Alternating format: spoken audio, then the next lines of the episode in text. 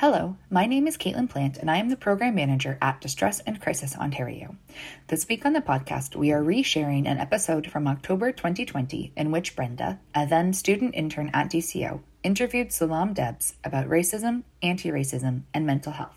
Salam identifies as a Black Ethiopian queer anti racism educator, an anti oppression coach, and a social justice advocate, a student in dismantling anti Black racism, an accomplice in dismantling anti Indigenous racism, xenophobia, and Islamophobia, and an advocate in intersectional and two SLGBTQ plus rights. She's also a proud mother, a writer, singer, songwriter, and poet, and a yoga and wellness teacher. In this episode, she shared her insights on how systemic racism impacts mental health, how her job helps people dealing with mental health and systemic racism, as well as sharing some examples of systemic racism from her personal story. She also provided self care advice for people engaged in social activism, suggested some resources, and more. If you would like to learn more about Salam and the work that she does, her website will be linked in the show notes. As always, if anything you hear in today's episode leaves you feeling the need for support, our member centers and ONTX are happy to help you. Please visit our website at www.dcontario.org forward slash locations to find your nearest center or to access the ONTX chat feature. ONTX is available from 2 p.m. to 2 a.m. Eastern Standard Time daily and can also be reached by texting support to 258 258. I hope you enjoy this episode and have a great week ahead. Thanks for listening. Tell us about yourself and the work that you do? Yes, I'm. My name is Salam Debs, and I am a yoga, meditation, and um, Reiki teacher and Reiki master. I'm the owner of Juicy Yoga Studios in Waterloo, and I also provide um, anti-racism training, consulting, as well as created the anti-racism course uh, for organizations and for individuals. Oh, nice. So, from your experience, how does systemic racism impact one's mental health?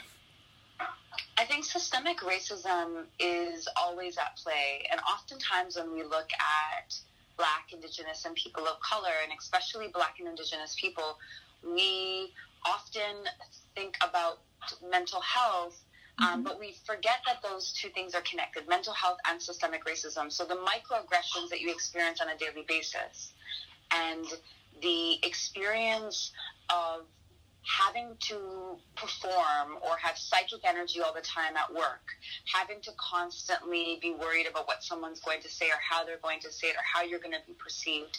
And also, I think about myself growing up in Toronto um, with my single mom, really systemic racism played out dramatically. We lived in underinvested, disinvested neighborhoods mm-hmm. where we didn't have access to resources. We didn't have access to, um, you know, fitness facilities or meditation. We didn't have access to health and wellness um, possibilities and adequate health care.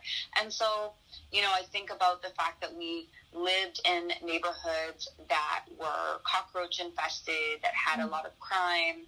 And, you know, majority of the people that we were around were working, hard working parents, you know, from other parts of the world that moved here for a better life for their children, but yet trying to fight and push against a system that is designed to not support you and designed to ensure that you stay oppressed um, creates a sense of mental um, you know illness and creates a lot of stress. I think about how um, east african um, women and men are often more susceptible to having episodes of mental breakdowns and mm-hmm. having to be, go to um, psychological testing because of, I believe, because, and all the testing shows that it's because of the the systems that we, we live in. Okay.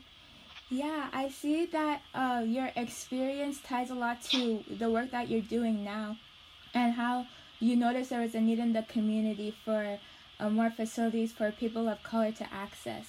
So, how does your work help with people dealing with mental health and systemic racism? I think, you know, what my anti racism work does is it helps racialized people, mm-hmm. black, indigenous, and people of color really recognize that they're that there is a system that's impacting them, that it Mhm. not their fault. Yeah. And so often in a racist society, a racist society will always say that um, racialized people are not trying hard enough, that Mhm. they're not working hard enough, that they're inherently um, having these experiences because they're inherently, um, you know, susceptible to these experiences. But an anti-racist understands that, you know, we either believe one or two things. We either believe that Black, Indigenous, and people of color are not trying hard enough or that there's something else in play, which is systemic racism. And once you understand that fundamentally about yourself and your community, Mhm. you stop living in shame and you begin to start to um, understand that it is your birthright to access um, wellness and mental health support. And so much of, you know, you know, part of I think systemic racism also maintains our our communities where we have a taboo idea that you know mental health support isn't something that we should have access to because when we look at the imagery, when we look at who has access to it, it's mostly white people. Mhm. But when we understand that we deserve it, and actually we live in a system that doesn't believe that we deserve it, I think that you start to um, you start to wake up. You start to wake up to the system that you're in, and you start to you know really fight back and say, no, I deserve this. I'm going to access this, and it's you know another part of the work that I do is my yoga and meditation Mhm. um, work in, in the studios. So I'm always trying to like lure in Black, Indigenous, and people of color, and Yeah. especially Black people, to come to my studio so that they can understand that wellness is their birthright. Yeah, I really like how you highlighted the fact that many people think it's their own fault when in fact it is the society around us that does play a major role in our mental health. Um, could Yes. you uh, illuminate or share one story or example of how systemic racism has affected your mental health or anyone you know? I know you touched on it a little bit before, but would you like to go deeper into that? Yeah, I mean, I really think about my mom and I think how hard she had to work her whole life and coming here, you know, English not being her her first language.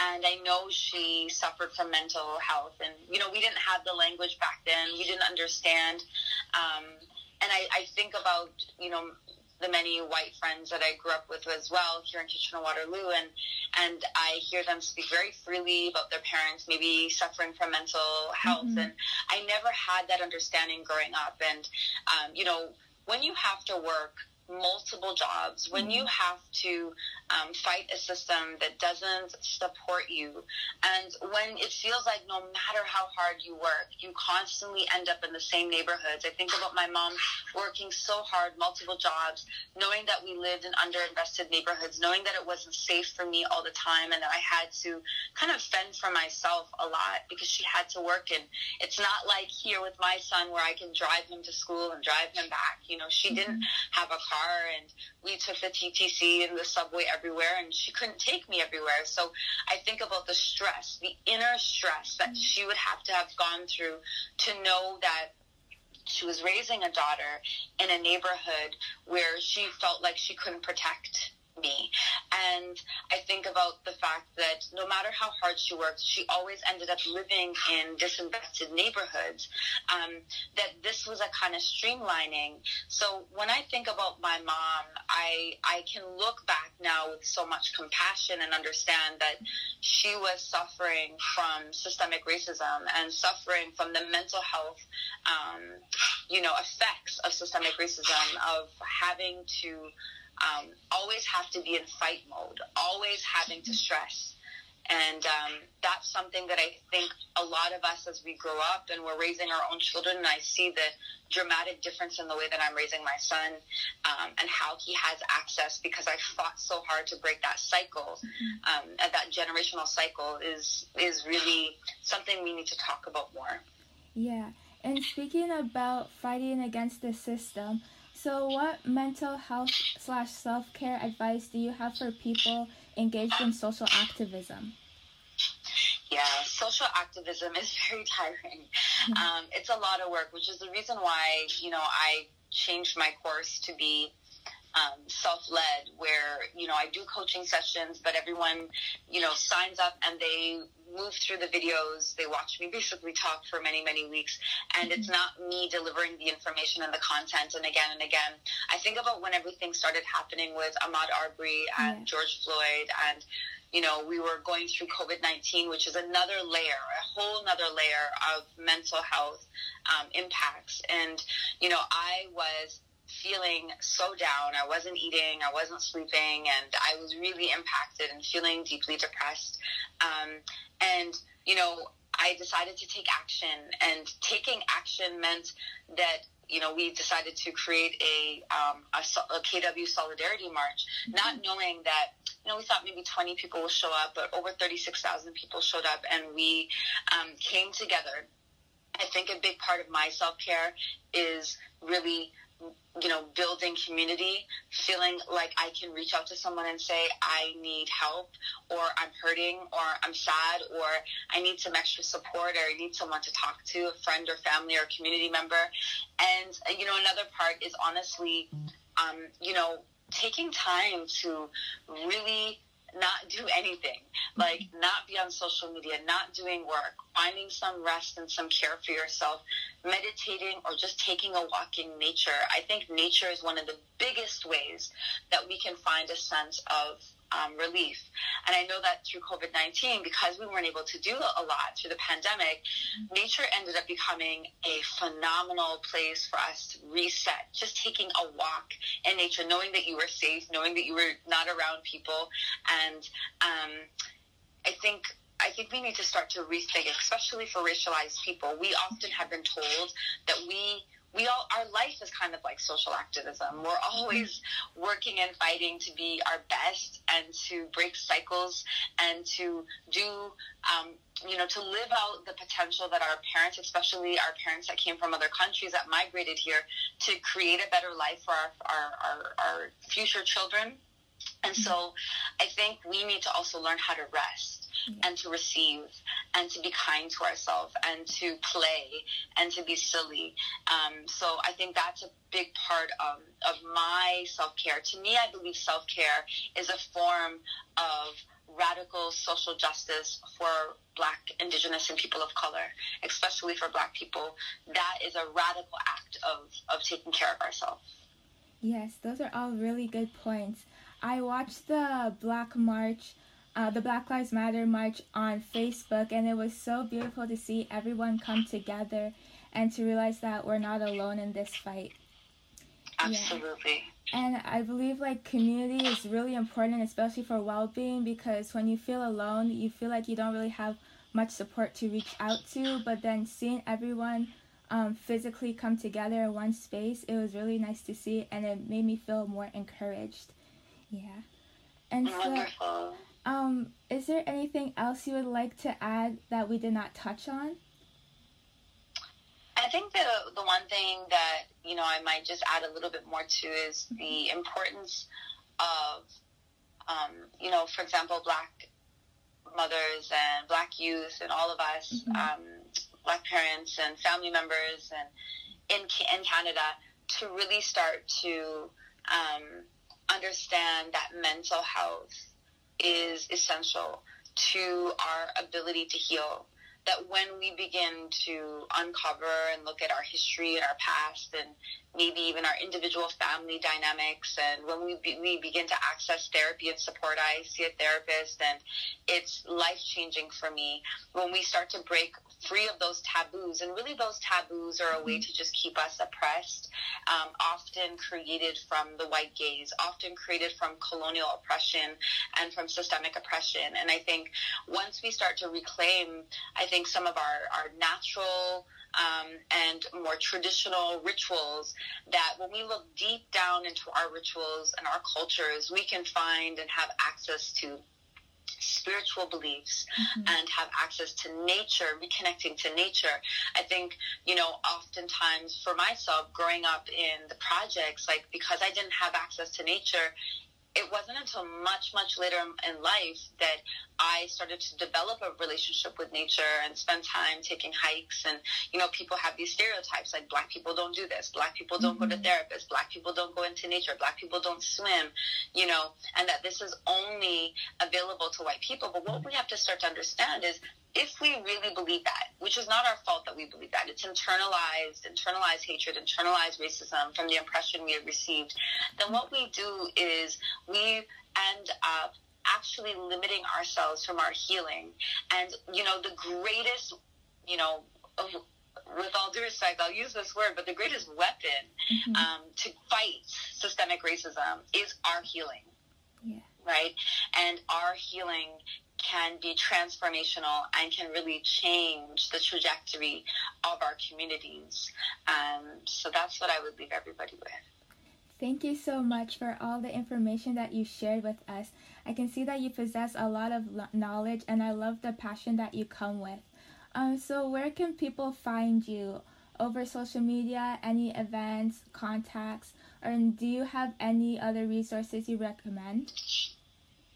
Yeah, so people can find me on my website, salamdebs.com. Um, they can also find me at salamdebs on Facebook and Instagram.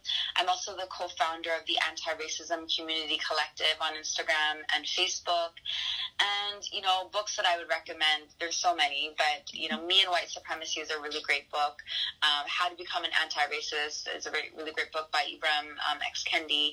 Um, and, uh, so many. There's so many books to read, but if once you go down that route and you start reading, for example, the How to Be an Anti-Racist, it really starts to wake you up. Um, as well, you know, if you want to join and sign up for my course, you can go to salamdebs.com and you'll see the waitlist there. I'm relaunching the course for October 28th is when it will begin, but on October 14th is when it will actually launch and people can, can start signing up. So it's a six module course mm-hmm. where we do it over 12 weeks and it's all online and I do coaching sessions as well to help everybody integrate. Oh, nice. Thank you so much for sharing that with us, and thank you for taking time out of your day to um, sit and have an interview with us. You're welcome, Brenda. Thank you for taking the time to reach out. I'm glad that we were able to have this conversation.